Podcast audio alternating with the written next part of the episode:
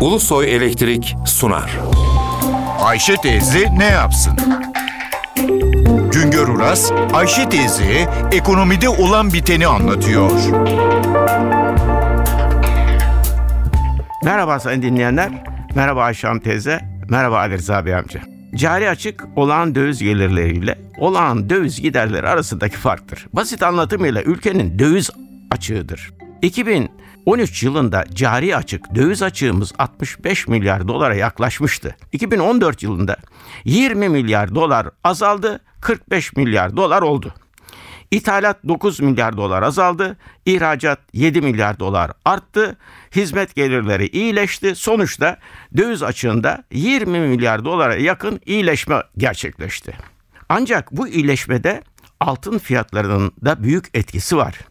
2013 yılında altın ithalat ihracat farkı 15 milyar dolarken 2014 yılında 3 milyar dolara geriledi. Altın ticaretinin ithalattaki 9 milyar dolarlık iyileşmeye etkisi 8 milyar dolar oldu. 2014 yılında döviz açığımız 20 milyar dolara yakın azaldı ama bu açığı kapatmakta zorlandık. 2013 yılında açık 65 milyar dolara yakınken ülkeye 75 milyar dolar girmişti. Açık kapatıldıktan sonra da rezervlere 10 milyar dolar döviz eklenmişti. 2014 yılında açık 20 milyar dolar azalarak 45 milyar dolar oldu ama yurda giren döviz açığı ancak kapatabildi. Çünkü ülkeye döviz girişinde yavaşlama var.